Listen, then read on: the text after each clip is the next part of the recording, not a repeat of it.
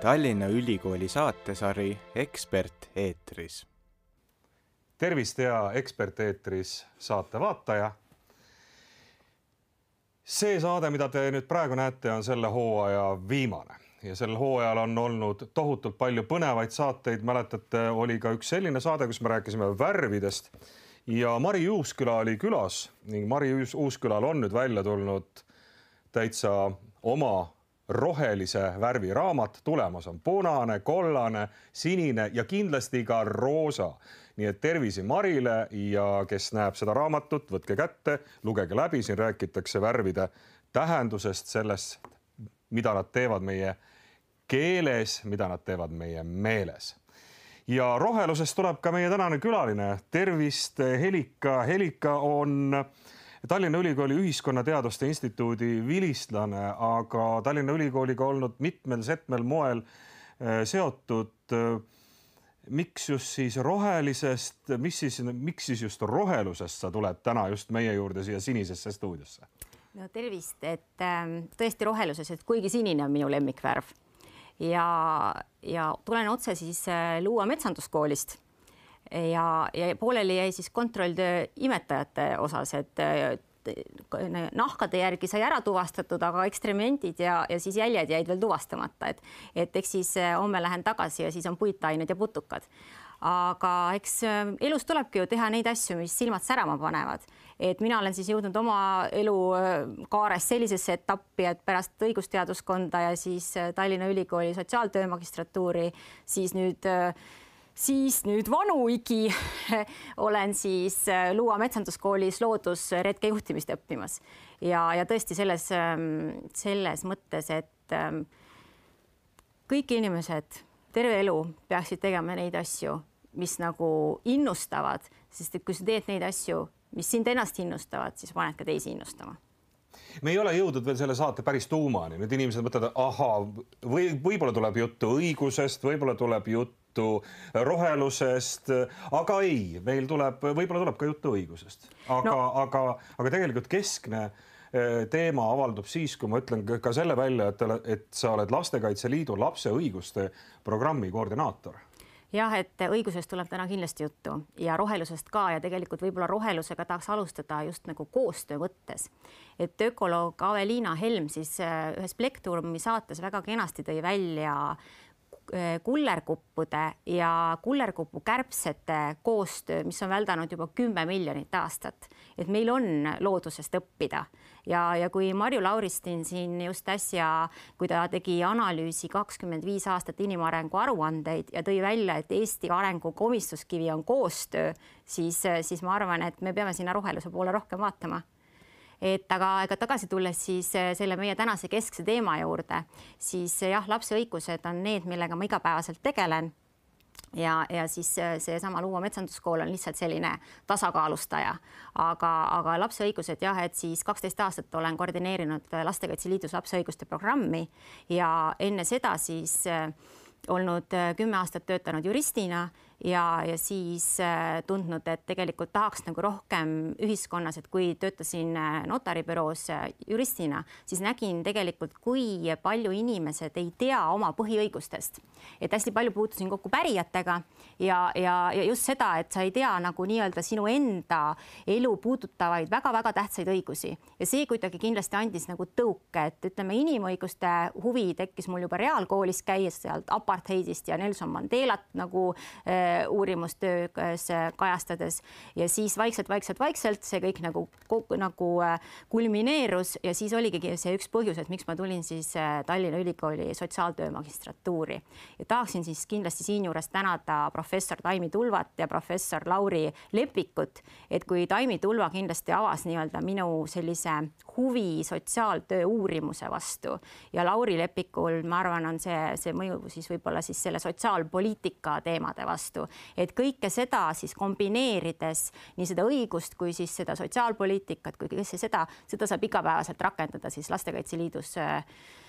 äh, töötades. Ja ma võin öelda, et äh, kui sa oled huvitatud nagu huvikaitsest, tegutsemisest, siis, siis põld on ju lõputu, nagu on öelnud Alar Jõks, endine õiguskantsler, et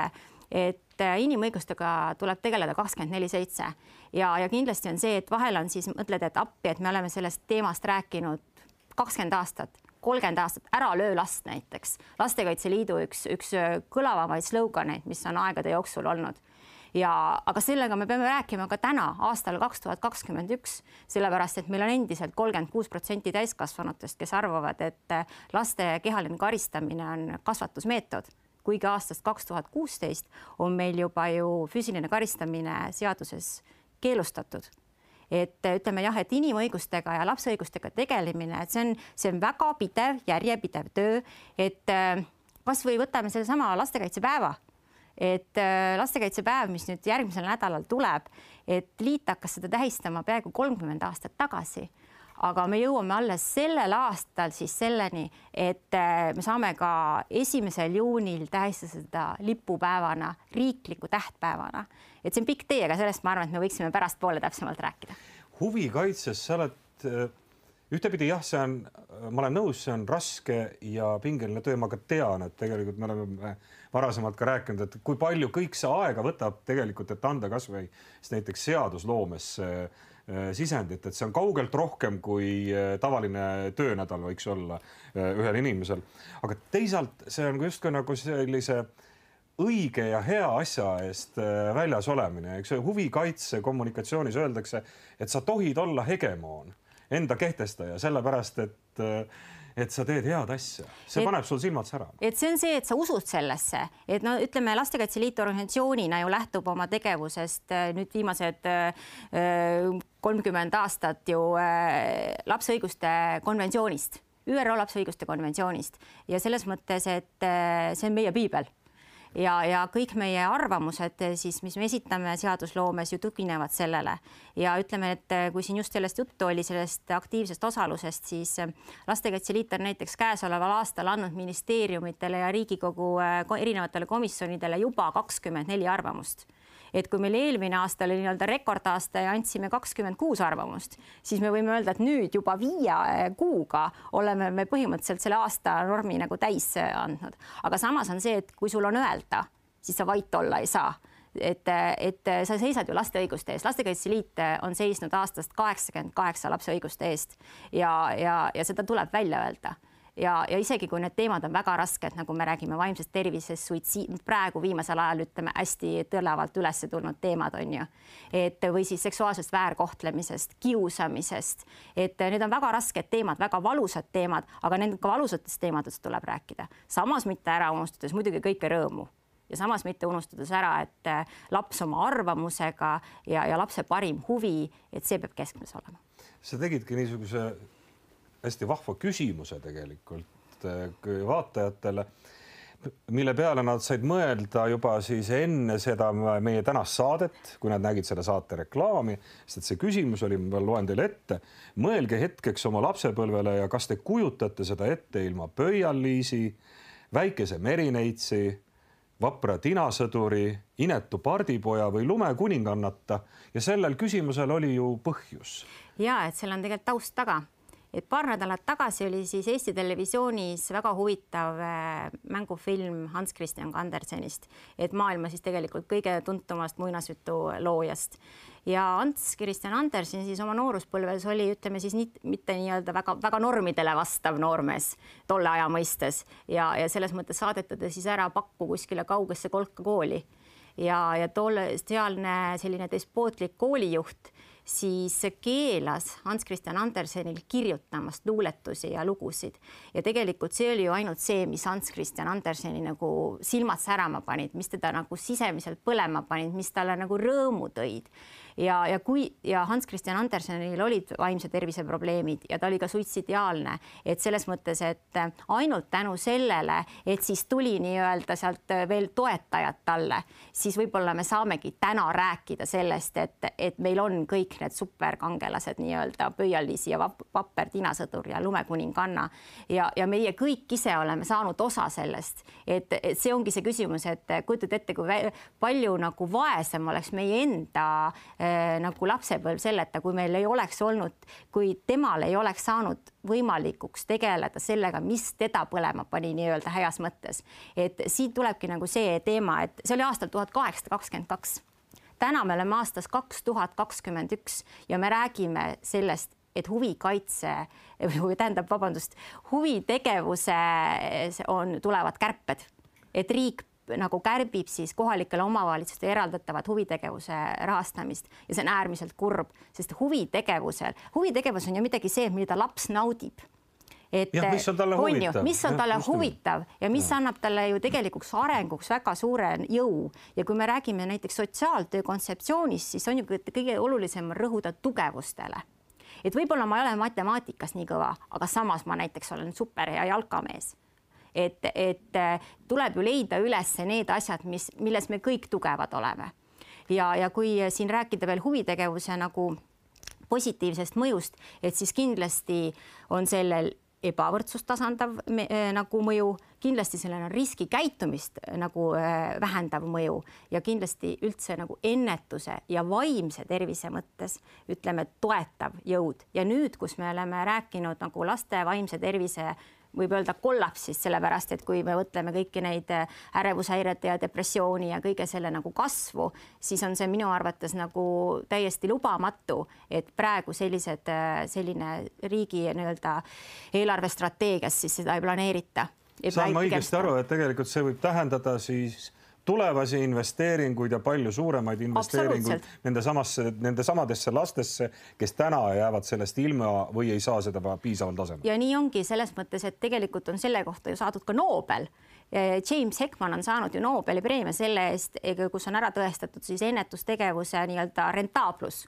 et, äh, et see ei ole midagi uut ega, ega, ega sellist äh, ohoo, vaid ikkagi see, et ennetusse tuleb panustada, aga mitte tagajärgedesse. ja kui me räägime siin, tahame rääkida kestlikust Eestist, seda, et meil siin kolmekümne, viiekümne aasta pärast oleks selline õitsev ühiskond, siis me peame ju need, need lapsed on ju need, kes seda, seda,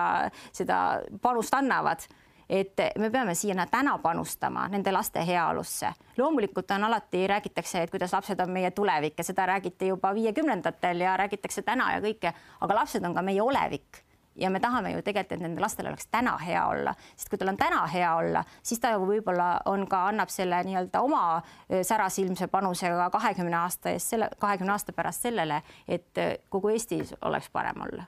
sa oled ise öelnud, et siin on ka selge vastuolu sinu jaoks, et ühelt poolt räägitakse vaimse tervise kampaania käigus sellest, kui oluline see kõik on ja teisalt võetakse ja vähendatakse sedasama huviharidust. ja et, et ütleme seda, et noh, nii peaminister kui sotsiaalministeeriumi mõlemad ministrid ja, ja on ju seda selgelt väljendatud, kui oluline on vaimse tervise toetamine. samas tehti ju ka eraldus kohalikele omavalitsusele vaimse tervise toet-, noh, nii-öelda teenuste jaoks. samas olen ma kuulnud väga palju tagasisidet kohalike omavalitsuse tasandilt selles osas, et kui ei ole nii-öelda öeldud ära, milleks sellised eraldused on, ei ole need sihitatud, siis me ei ole ka kindlad, et need rahad lähevad alati nii-öelda sirdi sinna, kuhu nad peaksid võib-olla minema. ja eriti, kui me mõtleme, et meil on käes valimiste aasta, et meil tihti käib elu nagu valimistsüklist valimistsüklisse. tahaks midagi avada võib-olla. tahaks muidugi avada või ja meil on siin valijaskonda erinevaid on ju sihtgruppe aga, aga samas on ju ja samas on meil vastu võetud ju äh, vaimse tervise roheline raamat valge raamat, mis nüüd ka ju tegelikult paar kuud alles tagasi äh, avalikustati, ka see räägib vaimse tervise toetamisest ja siis tuleb sipsti selline uudis. Äh, ma mäletan seda ööd, ma vist tegin mingit tööasja ja, ja, ja tulin, vaatasin, mõtlesin, et ah, vaatan korraks Delfit ja Delfis oli kirjas, et äh, tuleb see nii-öelda huvitegevuse kärbe ja siis ma mõtlesin, et see ei ole lihtsalt võimalik, et, et kui me räägime nagu, kui me räägime vaimse tervise toetamisest laste puhul,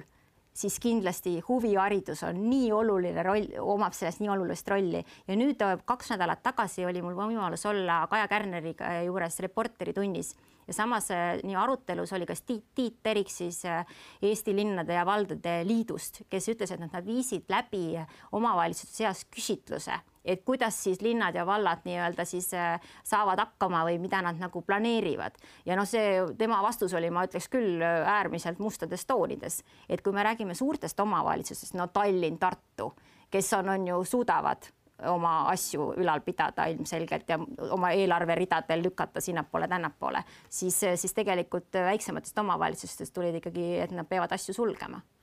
ja siis läheb ka see maasool, see noor õpetaja sealt no, minema, sest et tal ei ole võimalust, tal ei ole ka võib-olla lisasissetulekut. just nimelt ja. ja ta läheb koonduvad jälle Tartusse ja Tallinnasse. just nimelt ja nagu ja. siin tulebki väga hästi, sa tõid välja selle ääremaastumise probleemi, et äh, ka ääremaastumine ja ebavõrdsus üldse teenustes, et need kaks teemat on ju samamoodi Marju Lauristin tõi selle inimarengu aruanne kokkuvõttes need teemad välja, et need on meid tegelikult kummitanud kakskümmend viis aastat aastat ja need tegelikult ainult suurenevad, et Riigikontrolli auditi ütles täpselt samamoodi, et meil on varsti nagu ainult nagu kaks tõmbekeskust nii-öelda noh, Tallinn, Harjumaa ja Tartumaa ja ülejäänud on, on ju ääremaad. ja kui me juba praegu vaatame tegelikult teenuste kättesaadavust ja vaatame kasvõi näiteks äh, mm, kuritegevuse nagu numbreid ja kõiki neid asju, need on omavahel ju korrelatsioonis, et kui me näitame, vaatame, et kus on kõige suurem kuritegevus, need on näiteks Ida-Virumaa, Valgamaa, Lääne-Virumaa ja samas, kui me vaatame näiteks seda, et on ju, kus on kõige madalamad sissetulekud, täpselt needsamad kohad ja samas on ju ja kõik see, see, mis puudutab teenuseid et äh, need on kõik omavahel ju seotud, et eba, ütleme regionaalse, regionaalne ebavõrdsus, see on kummitanud meid juba väga pikka aega ja, ja kõik uuringud ju näitavad, et praegu Covidiga see, see veel ainult suureneb. Et ütleme, Covid on üldse selline ebavõrdsuse suurendaja, väga erinevatel tasanditel, et äh, siin Arenguseire Keskus tõi uuringus välja, et kuidas see meid tegelikult puudutab nagu töösektoris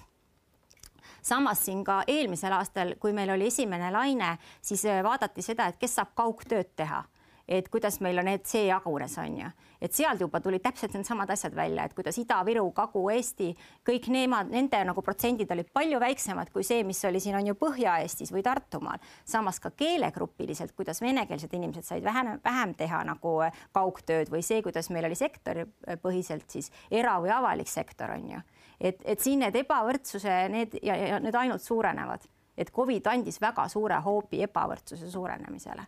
Kriisid üldse annavad suure hoobi ebavõrdsuse suurenemisele, sul oli ka üks äh, Soome näide Soome kriisist, laama, mida me oleme kuulnud üheksakümnendatel, et milline mõju tegelikult oli sellel ka, ka lastele ja ühiskonnale üldisemalt? ja et äh, siin äh, lama on ju tegelikult Soome puudutanud kaks korda et siis üheksakümnendal ja siis kahe tuhande kaheksandal. Ja, ja noh, Soome on selles mõttes mulle tohutult meeldib jälgida nagu Soome teaduskirjandust, et äh, nemad on nii usinad uuringute tegijad, et vot seal on meil kõvasti õppida. Et, et sa saad ikkagi, sa saad edaspidi nagu oma poliitotsustes loodetavasti äh, siis äh, nagu tugineda ikkagi nagu tõenduspõhistele nagu näidetele. Ja, ja nemad uurisid siis sellist kaheksakümne seitsmendal aastal sündinud lapsi kes siis olid siis mõlemas nii-öelda eh, lamaperioodil on ju saanud, olnud. Ja neid oli suisa kuuskümmend tuhat. Ja vaadeldi, et kuidas nende, kuidas neil elu läinud oli ja, ja paraku siis tuli välja, et noh, poolel oli seal kõik kenasti, ütleme siis nii, sest et noh, see sõltub ju alati väga palju ka sellest, et milline on sinu kasvukeskkond ja kuidas sul kõik toetamine on. aga Soome tegi siis äh, selle tohutu sisselõike nii-öelda endale sellega, et nad kärpisid sellel esimesel lamal puhul äh, just lastega perede teenuseid seal alusharidust ja kõike selliseid teemasid on ju samamoodi huviharidust. Ja, ja, ja need ja siis see mõju, mis nüüd nendele lastele, kes siis täiskasvanud selle aja jooksul kasvasid, et äh, circa kas kolmandik oli neid, kes olid siis pidanud elu jooksul siis kas pöörduma psühhiaatri poole või saama siis ütleme selliseid äh, medikamente äh, on ju sellel teema selle tõttu. Või siis saama lausa ja kol- ja siis kolmkümmend protsenti oli umbes neid, kes siis olid nagu äh, toimetulekutoetuse saajad, mis näitas seda, et ta tegelikult see, et ta seal need lastega pered ei saanud neid piisavaid teenuseid, noh, ütleme üldse on ju uuringud ju näitavad ka alushariduse nagu mõju ebavõrdsuse vähendamisel väga suur on, on ju. et kui seal nagu teha see suur kärbe, siis, siis mismoodi see tegelikult kandub edasi ja tegelikult kõik see viib ju lõpuks ka sotsiaalhoolekandesüsteemi nagu koormamiseni ja kui me täna räägime, et meil on, ju vananev ja vähenev ühiskond, mis tähendab seda, et siis see koorem ju ainult kasvab. Et sellepärast, miks on nii kohutavalt oluline, et mitte seda, et umbes räägime laste õigustest ja, ja jube tähtis on, on ju, et panustame avalastesse, sellel on ju tegelikult ka väga oluline majanduslik mõte nagu pikemas perspektiivis. jah, ja kui me räägime lastest, siis justkui nagu ühiskonna tähelepanu võiks olla kõrgem kui ma ei tea, keskealistest meesalkohoolikute puhul. et, et küll nad seal on ja küll nad kuskil jäävad ja lõpuks ära surevad, aga, aga et, et, et lapsed ju tegelikult ka kommunikatsioonis tähelepanu justkui nagu võiksid saada, et, et inimesed eh, panevad tähele seda, kui räägitakse lastest. huvitav, miks see on siis ikkagi nii ma ei tea, ebaseksikas, ütleme siis nii, investeerida see näiteks lastega seotud teenustesse ja, ja, ja miks on nii kerge ära võtta huvihariduselt raha? seal on tegelikult kom kommunikatsioonialased miinid ja pommid all. no ma ütleks nüüd kaks vastust, et kõigepealt ma arvan, et tegelikult tuleb ka investeerida nendesse keskealistesse alkohoolikutesse, et tegelikult just oli värske uuring selles osas, et meil on jälle see Covid kaasa aidanud ka nii-öelda sõltuvuse suurenemisele ka alkoholi puhul, mis tähendab seda, et igasugune rehabilitatsioon ja kõike selle kättesaadavust on vaja suurendada. et me ei saa kellegi osas alla anda, on ju. tõsi, aga lapsed on huvitavamad, näiteks ajakirjaniku jaoks on huvitavamad loomulikult, aga kui seda laps ma... seotud, siis see on oluline. aga mina ei saa vastata sellele, miks me võtame raha ära, sest mina ei ole poliitik. mina ütlen, et see raha peab olema sellepärast et on ju, et, et last, me räägime lastest, aga samas, miks neid otsuseid tehakse, vot see, selleks peab teil siin keegi teine vastama. tõsi, tõsi, ma ei saa seda, ma ei saa seda vastust sinu käest kätte, sest et sa ei, sa ei ole selles, selles osas otsustaja. ma ei ole selles paadis. sellesse rolli panna, aga räägime natukene nendest teenustest, mis on olemas laste jaoks ja mis võiksid olla. rääkisime nüüd täna küll ebavõrdsusest. mul tuleb endal meelde, et olen teinud intervjuusid lastekaitsetöötajatega nende tööst ja alati lõppesid need intervjuud raske ohkega, et meil praktiliselt on võimatu saada lastepsühholoogi. ma ei tea, enne kui aasta on möödas ja siis ei tea, kas laps on, kuhu maale ta on jõudnud selle, selle probleemiga. et, et kui me räägime ju akuutsetest probleemidest, siis me ei saa oodata seal kolm-neli kuud, et näiteks psühhiaatri juurde saada aga psühhi, noh, ütleme, ütleme psühhiaatrilisest abi kättesaadavusest, et meil on laste ja noorte psühho- või psühhiaatreid ainult kakskümmend neli, vaja oleks kolm korda rohkem, aga sellest räägiti juba kümme aastat tagasi, mis näitab seda, et koolitustellimus peab ju tulema ja riiklik tellimus ja siis nii-öelda kasvatama peale neid psühhiaatreid. aga psühhiaater on tegelikult nii-öelda vaimse tervise puhul ikkagi selle WHO vaimse tervise toetamise püramiidi tipus, et see ei ole niimoodi, et esimene laks kohe psühhiaatri juurde, et siin võtab ikkagi see, see püramiid näeb välja selline, et kõigepealt on nii-öelda eneseabi, et noh, et kuidas sa kõik ise noh, käid looduses ja, ja suhtled sõpradega ja kõik selline asi. ja teine eh, siis eh, nii-öelda tasand on siis selline kohaliku omavalitsuse teenused kogukonnateenused, kuhu me siis saamegi kenasti sellest koolipsühholoogist rääkida, keda meil on ainult eh, siis nelikümmend kolm protsenti et meil ei ole pooltes koolideski koolipsühholoogi. Ja, ja kui suured probleemid on meil tegelikult, me ei räägi ju ainult koolipsühholoogist, meil on vaja ka muud tugipersonali kasvõi lasteaeda logopeedi, eripedagoogi, et kõik nii-öelda selle tugispetsialistide võrgustik, see on ülitähtis, sellepärast et meil lapsel oleks nagu ühes kohas kogu aeg see nii-öelda tugi võtta. et, et see on see koht, kuhu on vaja panustada, et, et meil oleks nagu lapsel see noh, et me ei peaks esiteks ootama, no need no,, need mured ei anna oodata on ju, et ühel päeval me olemegi selles situatsioonis, et meil on eh, neliteist enesetappu eelmisel aastal on ju ja sellel aastal ütleme siin paar nädalat tagasi oli statistika kuni üheksateist aastaste puhul kolm tükki ja viiskümmend kuus tükki oli või viiskümmend neli tükki oli suitsiidikatsega Tallinna lastehaiglas juba arvel et, et, et need ei ole niimoodi, et nüüd ootame, et see abi on vaja saada nagu madalamalt tasandilt. et ähm, samas on meil vaja juurde perearstide juurde kindlasti vaimse tervise õdesid. Et, et juba seal nii-öelda perearsti tasandilt saaks seda abi kätte. Et me ei pea alati sihtima sinna psühhiaatri juurde, on ju, et, et see abi tuleks nagu madalamalt tasandilt. Ja siin tuleb jälle regionaalne, et me ei saa üle ega ümber sellest, et, et noh, ütleme Ida-Virumaal psühhiaatrite kättesaadavust, et ma ise olen äh, Viru vangla äh, komisjonis olnud väga pikalt, et seal on selline inimõiguste komisjon ja siis me alati kuuleme seda lugu, et kui, kui raske on näiteks ka vanglas, kuna Viru vanglas on noorteosakond et kui raske on tegelikult saada nagu neid spetsialiste sinna vanglasse, et ja kui oluline tegelikult on töötada ju ka nende alaealiste õigusrikkujatega, et, et ta tuleks välja ja ta, ta ei sooritaks uuesti kuritegu, on ju et äh, need tasandeid on nii, nii palju, aga kui sa siin ennem tõid välja lastekaitsetöötaja, siis no see on minu lemmikteema loomulikult, et äh, selle, sellesama pisiku andis mulle siinsamas Sotsiaaltöö äh, Instituudis õppimine ja, ja Taimi Tulva kindlasti ka, et et lastekaitsetöötajate täiendkoolitusega on Lastekaitse Liit tegelenud siis aastast kaks tuhat kolmteist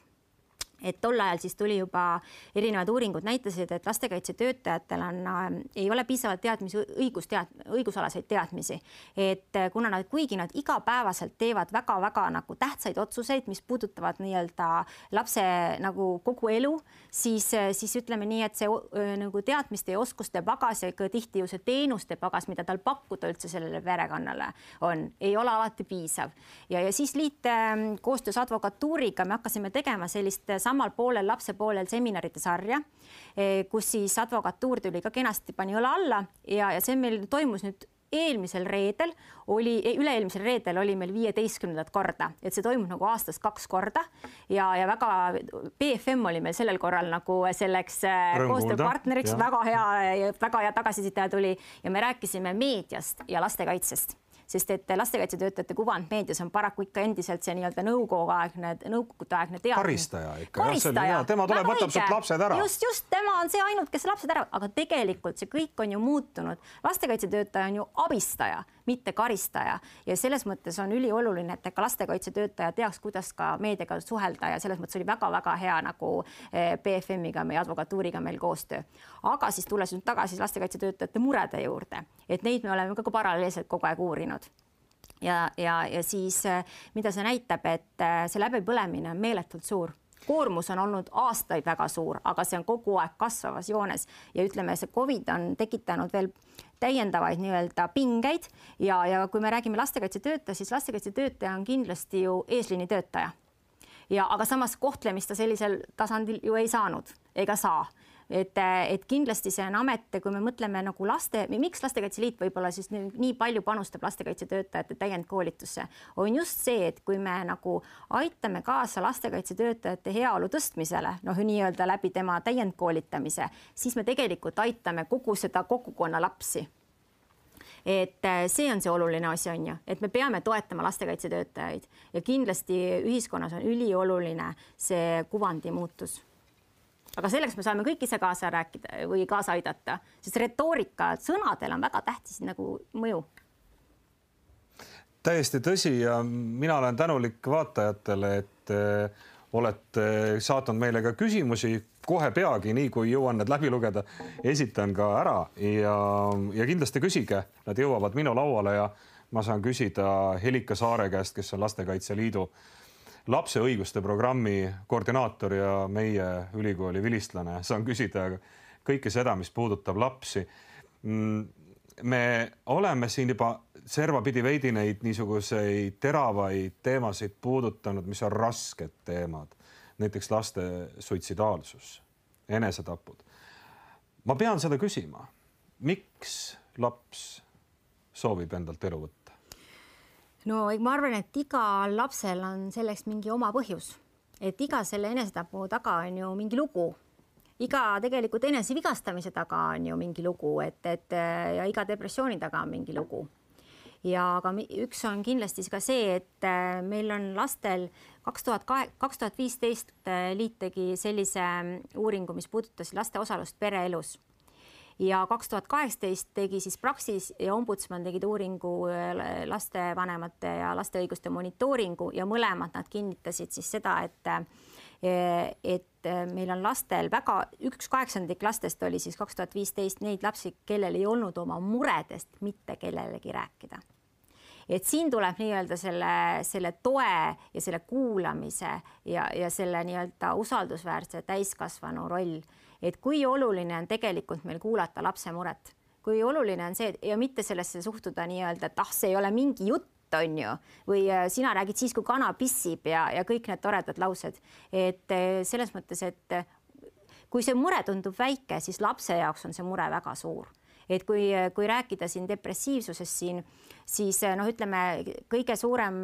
noh, ütleme, kes siis on kuskil kolmteist, viisteist teismelised on ju, et siin Covidi puhul ka, et, et tuleb mäng või tuli mängu siis kindlasti see iso leeritus ja, ja kõik see sõpradega kokku ei saanud ja samas on ju see sotsiaalne kuuluvus ja, ja suhtlemine veel. pinged perekonnas ka. Pere... Sa... siia me jõuame veel ja, alles on ju, aga tegelikult, mis on nüüd tendents näidanud, just siin oli väga huvitav intervjuu Saku koolipsühholoogiga, üks, üks raadiointervjuu, kus ta siis rääkis seda, kuidas ta näeb esimeses klassides nagu seda tohutut pinget ja ka depressiooni on ju, et lastel kodus see kodune olukord, vanemad on väsinud. Et me viisime ise ka lastekaitsetöötajate seas läbi uuringu, kus siis palusime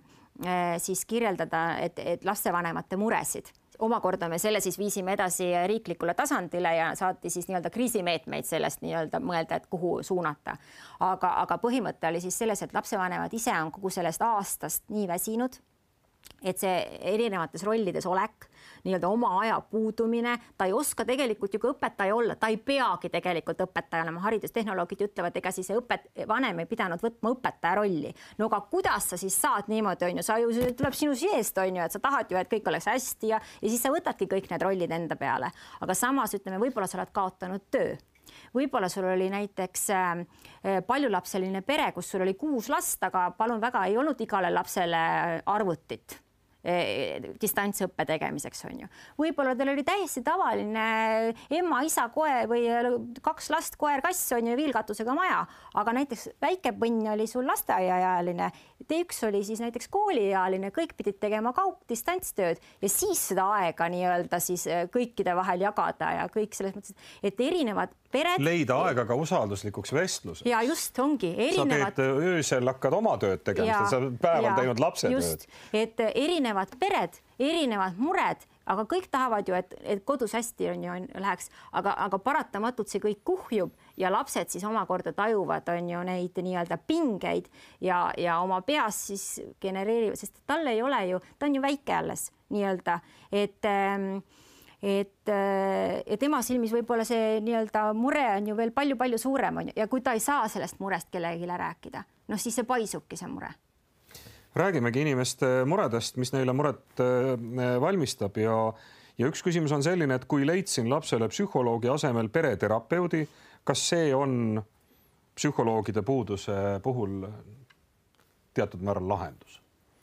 Vot see on väga huvitav küsimus selles mõttes, et äh, kindlasti see pereterapeut aitab ka kaasa teatud olukordade lahendamisele, et noh, et äh, mina. oleneb, millisele oleneb, tasandile see kriis on tõusnud, eks ole. täpselt ongi,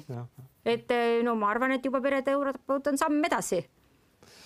aitäh, kui pere satub lastekaitse huviorbiiti, kas siis alati on põhjus ja põhjus on alla kriipsutatud ja alati on tõsine taust ehk et alati on tõsine põhjus ja alati on tõsine taust või äh, tuleb lastekaitsetöötaja ka, ma ei tea, monitoorib, vaatab no, abistab? no abistab kindlasti ja lastekaitsetöötaja poole saab ju abi palvetega pöörduda, selles mõttes see ei ole niimoodi, et tema peab olema see, kes teie juurde pöördub. kui teil on ikkagi mure, lapsega seoses mure või teil on, ütleme seal suhtluskorra mure või mis iganes, siis lastekaitse, teie oma kohaliku omavalitsuse lastekaitsetöötaja on teie abiline et julgesti ma soovitan nagu lausa innustan inimesi nagu pöörduma. aga, aga erineva ja, ja siin tuleb nüüd mängu see, et kas on põhjus, et äh, kui me räägime abi vajavast lapsest, siis seaduse kohaselt on igaühel meist kohustus teavitada abi vajavast lapsest. Ja abi vajavast lapsest siis teavitada kas kohaliku omavalitsuse lastekaitsetöötajat või siis äh, lasteabi numbrit üks, üks, kuus, üks, üks, üks kui me räägime hädaohus olevast lapsest, siis tuleb kindlasti politseid teavitada. Selles mõttes ja juhul, kui siis on näiteks mitte kunagi ei tohi nagu kahtlema jääda sellest teavitamisest. ma mäletan aastaid tagasi võtsin Lastekaitse Liidust telefoni ja, ja vastaja või helistajaks oli siis üks lasteaiaõpetaja, kes ütles mulle sinna telefoni umbes nagu paar sõna, et ütles, et mul on kahtlus. No ja mina ütlesin, et siis oi-oi-oi, et kui teil juba kahtlus on, tähendab mitte midagi, see oli super, et ta helistas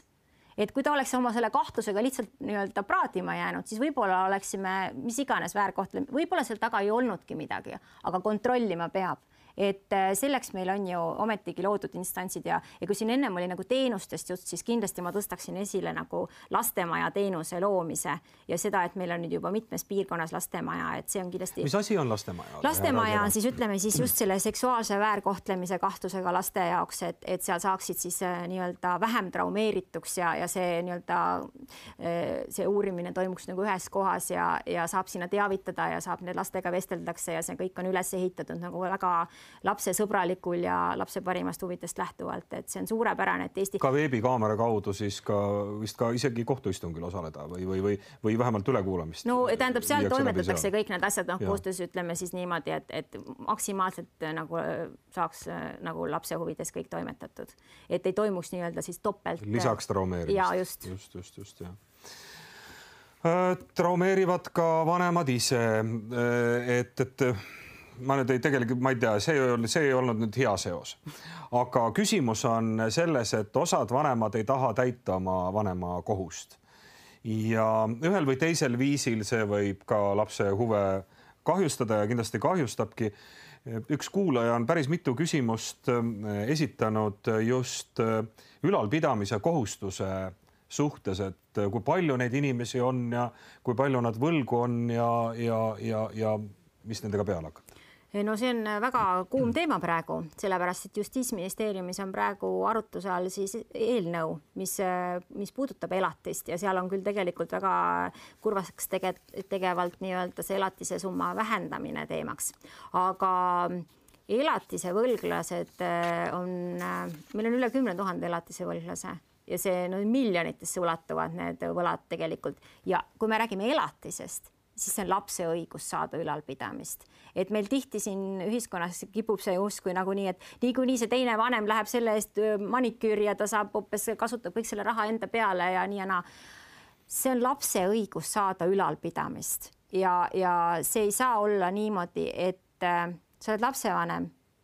ja sa ei täida oma kohustust aga samas sa ikkagi kõik oma õigusi justkui nagu tahaksid. Äh, vaata, aga nüüd on midagi natuke ikka ära ka võetud, et nad vist, ma ei tea, relva ei tohi kanda või, või kas see relvaluba ütleme, meie oleme ka sutsukese on midagi tulnud, ma ei tea, kas kalastaja-loa saavad, aga ja, ja liit on andnud ka ikka alati oma panust sinna nii-öelda nende arvamustega, et, et me peame seda täitemenetluse teemat on ju, et ikkagi, et mismoodi eh, siis eh, seda elatist täita ja et ikkagi, et see ei toimuks ainult niimoodi, et null eurot, see on tegelikult on palka parandanud natukene sellist äh, täitmist, täitmist ka jah? no ilmselt mõne keelu. inimese paneb võib-olla mõtlema, aga vaata, siin tuleb jälle mängu sellised äh, põlvkondade üleste mustrite, et need ei korduks. et äh, et kui ma olen ise üles kasvanud, ma mõtlen, mitte küll mina, aga äh, siis ütleme, laps on üles kasvanud sellises äh, situatsioonis, et, et äh, tema suhtes ei ole elatist täidetud, on ju, ülal no, ei ole neid kohustusi täidetud, siis ma võtan tegelikult võib-olla kaasa oma mõttes selle nii-öelda kohustuste mittetäitmise sellise mustri ja, ja võib-olla ei täida ise ka edaspidi seda, et noh, et, et siin me peame ikkagi mõtlema nendele mustritele, mida me nagu lapsele anname. et laps ju kasvõi seda, et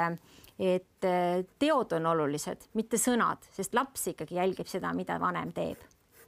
aga jah, et äh, elatise võlglased kindlasti äh, ülalpidamine ja sellest kõrvalehoidmine, see on lapse õiguste rikkumine, jäme lapse õiguste rikkumine ütle, millise pilguga sa vaatad sellist lapse õiguste arengut, kui sa vaatad seda tulevikku, et kas see, see ju vastab tõele, et, et nii nagu sa ka ütlesid Krimmi ruumis, et, et meil ikka on vaja asjade kinnistamiseks põlvkonda. veel päris põlvkonda möödas ei ole. aga kas sulle tundub, et arengud lähevad pigem positiivses suunas? nojah, Covid tuli nüüd vahele või siis on, on, on, on, on kehvemaks läinud? no mina olen optimist ja ma ei saaks olla nagu tegeleda lapse õigustega, kui ma näeksin kõike kogu aeg äh, nagu mustades värvides, et äh, kui sa tegeled inimõigustega, siis sa pead ju ideaali nägema. loomulikult siis sa toodki välja neid kitsaskohtasid, aga tegelikult sa usud sellesse, et asjad lähevad paremaks ja Eestis ju on läinud asjad palju-palju paremaks. et äh, ütleme selle kolmekümne aastase aasta siir-, nii-öelda perioodiga, kui, kui lapse õiguste konventsioon siis Eestis ratifitseeritud üheksakümmend üks on ju, kui suured muutused on toimunud ühiskonnas ka laste nii-öelda positsiooni tõusmisel ja, ja kõik need teenused ja noh, kool, kõik, kõik, kõik asjad on ju. kasvõi sellest, et me saame tõmmata selle lipu siin ikkagi järgmisel nädalal Vardasse aga. sellest me veel kõige lõpus Oi, räägime, kuidas see, kuidas see ja, kõik juhtus. aga samas sai. on ja. see, et Covid kindlasti annab nüüd sellise väikse nagu hoobi tagasi, sest et juba tulevad ju värsked uuringud selle peale, kuidas meil lähisuhtevägivald on tõusnud, kuidas meil tegelikult laste väärkohtlemine, et siin just täna hommikul lugesin, seal oli kohalike omavalitsuste seas tehtud uuringut, et juba nagu raporteeritakse seda ja siis kõik see vaimse tervise puut-, noh te, temaatika on ju, et Need on kõik need varjatud asjad. varjatud just on... nimelt ja seksuaalne väärkohtlemine just. kindlasti, mis meil on viimasel ajal olnud äh, õnneks üleval, ma ütlen õnneks, see on väga kohutav asi, see teema on väga jube, aga me peame nendest jubedatest asjadest ka rääkima, sest võib-olla sellest, et kui me sellest räägime, saab mõni laps päästetuks. Et, äh, et ja kui oluline on nende teemadega, sa ütlesid, et põlvkond väärtuste muutmiseks äh, läheb terve põlvkond, öeldakse. ja see hea näide on näiteks Soome, kes nüüd paraku muidugi on ta no Covidile ka veidikene jälle kukkunud sinna tagasi, aga, aga just näiteks sellesama füüsilise karistamisega. Soome ka elustas füüsilise, laste füüsilise karistamise kaheksakümnendatel ja, ja neil võttis tõesti põlvkond, kasvasid üles need lapsed siis, kes olid siis nii-öelda pärast seda siis nii-öelda sündinud ja said ise lapsevanemateks ja kuidas see nii-öelda füüsilise karistamise kõver siis kõik ju nagu, nagu vähenes. pärast sajandivahetust, kaks tuhat kümme siis või? no niimoodi, ütleme niimoodi hakkas see on ju, et see võttis ju tegelikult, ega see ei puutu ju ainult ähm,, kui me räägime füüsilisest karistamisest, ei aita ainult ju seadusemuudatusest, sul on vaja sinna kampaaniaid, sul on vaja tegelikult toetavaid äh, nagu vanemlusprogramme, et samamoodi Eestis on, ütleme praegu ime, imelised aastad, aga meil oleks vaja seda kättesaadavust suurendada, meil oleks vaja teistele eagruppidele ka nii-öelda, see on kolme kuni kaheksa aastastele lastevanema, eh, laste vanematele suunatud programm, aga oleks vaja võib-olla ka väiksematele ja suuremate vane, laste vanematele. nii et selles mõttes need on sellised kompleksteemad, aga selleks jah, et muutuks, on vaja põlvkonda. Ja nüüd muidugi paraku siin Soome raportid ka tulevad loomulikult, et see Covid, noh, Covid on tõesti neid mullistusi nagu tekitanud, et ka seal tuleb seda tagasilangust, on ju aga ikkagi no selle jaoks, et lastel hea olla, eks, teeb Eestis väga palju inimesi tööd ja väga head koostööd on ju, kasvõi nagu PPA kasvõi on ju välja tuua või kes iganes Sotsiaalkindlustusamet on ju kohalikud. too mõni hea näide ka sellest koostööst, et kui sai juba teisi kiidetud, et siis äh, nad kohe teaksid ka, mille eest. Ei no selles mõttes, et äh, kasvõi PPA, et ma võin siin äh, veebikonstaablid, et, et meil siin on endal ju kümme aastat juba olnud selline programm nagu Targalt internetis, mis siis aitab kaasa siis ütleme just täpselt kõik, mis puudutab, on ju seda Äh, laste internetioskuse temaatikat ja seda, et vanemad teaksid, äh, kuidas käituda ja lapsi toetada internetis käitumiseks ja seal kõik, kõik see väärkohtlemine ja kõik, kõik, kõik teemad on ju ja siis on seal selline lisaks siis teenusena olemas selline asi nagu vihjeliin. Ja vihjeliinile on võimalik siis anonüümselt teavitada siis äh, laps ütleme siis pornograafilise sisuga nagu mm, interneti sisust ja, ja see on selline rahvusvaheline võrgustik, et juhul, kui siis see info tuleb, et kuidas meie inimesed siis seda menetlevad ja koostöös politseiga, kuidas see siis näiteks edasi ka edasi saadetakse või noh, et kuidas siis vähendatakse seda, seda neid, neid saite siis seal internetis, et et need äh, erinevad koostöökohad on nagu üliüliolulised, aga nagu ma ütlesin, et äh, loodusest on õppida, et need kullerkupud ja kärbsed on ju, et kümme miljonit aastat juba, et et meil, kui hakata mõtlema, et äh, kui Marju Lauristin ütles, et koostöö on on olnud meie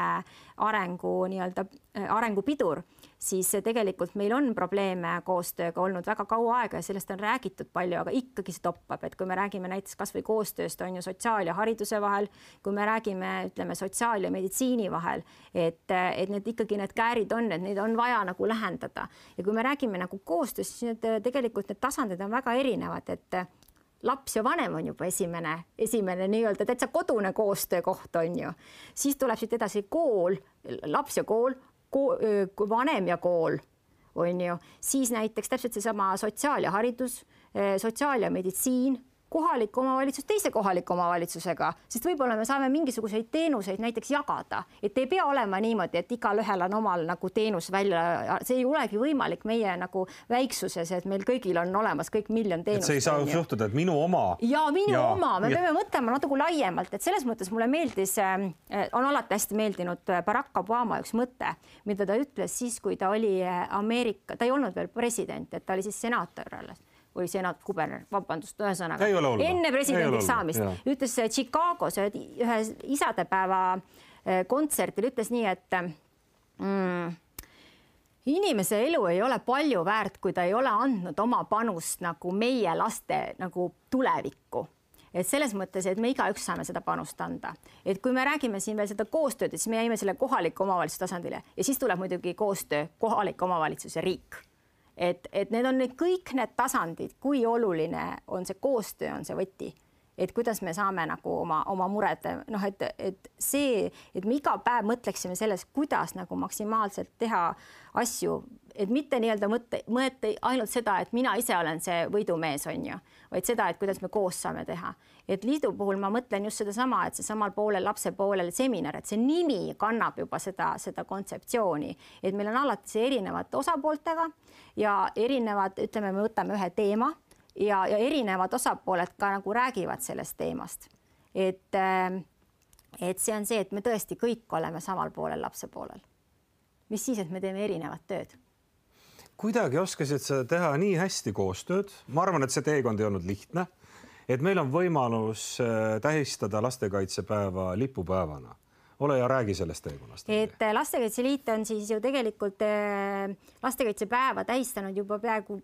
vist kaheksakümnendate lõpust. et ma mäletan ise, et, et kuidas loomaaias hakkasid need suured tähistamised ja kõik asjad, et et siis ja nüüd on siis niimoodi, et kaks tuhat kaheksateist tuli, ma mäletan, liitu taaskord üks ettepanek eh, siis anda arvamust, tol korral oli seal nagu, et kas esimene oktoober saab omavalitsuste päevaks ja, ja meie siis mõtlesime, et oi-oi-oi, et aga nüüd on küll õige aeg öelda, et tegelikult lastekaitsepäev peab saama ka lipupäevaks ja riiklikuks tähtpäevaks, sest et tegelikult meil selleks ajaks oli olemas ju emadepäev ja isadepäev ja vanavanemate päev ja noh, taheti ka omavalitsuste päeva. ja ma mäletan, et tollase Lastekaitse Liidu juhataja Tõnu Poopuga me käisime ka õiguskomisjonis ka siis nii-öelda seismas selle eest, et, et lastekaitsepäev saaks selleks äh, lipupäevaks, aga tookord ikkagi paraku mingisuguste äh, ütleme siis nii, et äh, libises kuidagi libises ära. ikkagi paraku ikka sinna omavalitsuste päeva ja. poole. ja mitte, et omavalitsused on sama tähtsad loomulikult, aga aga siis, aga nagu ma ütlesin, kui sa tegeled lastekaitse või inimõigustega või lapse õigustega, siis sa oma jonni ju ei jäta, sa pead olema järjekindel. Ja, ja siis kaks tuhat üheksateist tehti selline ühispöördumine. See oli aasta lõpus, tehti ühispöördumine, erinevad lastega tegelevad organisatsioonid siis esitasid nii-öelda siis selle, selle uue taotluse. ja, ja siis hakkasid muidugi ka ütleme, poliitmaastikul hakkas tunduma võib-olla isegi, et see on ju päris pro-mõte ja, ja palun väga. Ja eelmine aasta siis, kas see oli novembris, ma arvan, et see äkki oli, kui siis tuli ära lõpuks see otsus, et, et me saame siis öelda, et äh, lipp ja, ja riiklik tähtpäev, et äh, et kui me räägime siin arengutest, siis mina ütlen, et see on ka areng, et samasugune areng näiteks, mis on võtnud ju nii kaua aega, et ähm, et samamoodi siin alles ütleme, värske, värske areng oli ju seesama laste psühhiaatrilise abi kättesaadavuse eh, on ju muudatus, et lapsed ilma nagu vanema loata siis eh, saavad psühhiaatris, et see oli selline poliitpingpong, mis paraku oli, on ju, eh, kestis liiga kaua, kestis aasta aega liiga kaua, aga noh, ütleme, saame ka täna öelda, et see on ka ikkagi läinud nii, nagu peab minema, ehk siis ikkagi laste parimatest huvidest lähtuvalt ütle, mida võiks teha esimesel juunil? mida? jah, kuidas no,? Mina... jah, mis, mis oleks niisugune kõige õigem valik, kõige õigemaid tegusid no vot see on, ma arvan, et iga nagu lapsevanema enda otsustada, kuidas ta nagu tähistab seda lastekaitsepäeva. tähelepanu võiks pöörata natuke Tähe,. loomulikult ja et kui siin oli ennem räägitud sellest, et äh, murede jagamine, et kindlasti kuulake oma last, et siis ma ütlen seda, et kui ma täna siis sealt Luua, Luua koolist siia sõitsin, Tartu maanteel pikk tee oli, mõtlesin selle peale, et äh, kui meil on jagatud äh, mure, on pool mure siis tegelikult äh, jagatud rõõm on topeltrõõm, et rõõmustagem koos oma, esiteks kuulake alati oma last ja, ja, ja kuulake südamest selles mõttes, et mitte nii, et nagu formaalselt, et oh, kuidas sul läheb, vaid ikkagi nagu rääkige temaga. ja teine asi on see, et rõõmustage tema rõõmude üle, isegi kui ta on, ta on väike ja tal on näiteks teinud endale võilillepärja või tal on käe peale tulnud nagu lepatriinu ja ta on selle üle õnnelik, siis võta see aeg ja ole ka temaga õnnelik. Ma arvan, et see on see, kuidas sa kõige paremini, sest lastekaitsepäev on iga päev. aitäh, Helika Saar Äh, suurepärane intervjuu, sobis väga hästi äh, selle hooaja viimaseks saatkeks. võtke siis see päev, olge õnnelikud, olge õnnelikud oma pere keskel, olge õnnelikud oma lastega koos, tehke midagi põnevat ja huvitavat ja kindlasti on tulemas huvitavaid ja põnevaid saateid ka sel sügisel, mil jälle alustab Ekspert eetris. Senikaua võite vaadata eelmisi saateid meie pesast Ekspert eetris, pesast Tallinna Ülikoolist ja ma arvan, et kusagil siin juba augusti keskpaigas, sügise lähenedes näete, millised on uued teemad, uued inimesed Tallinna Ülikooli stuudios. kohtumiseni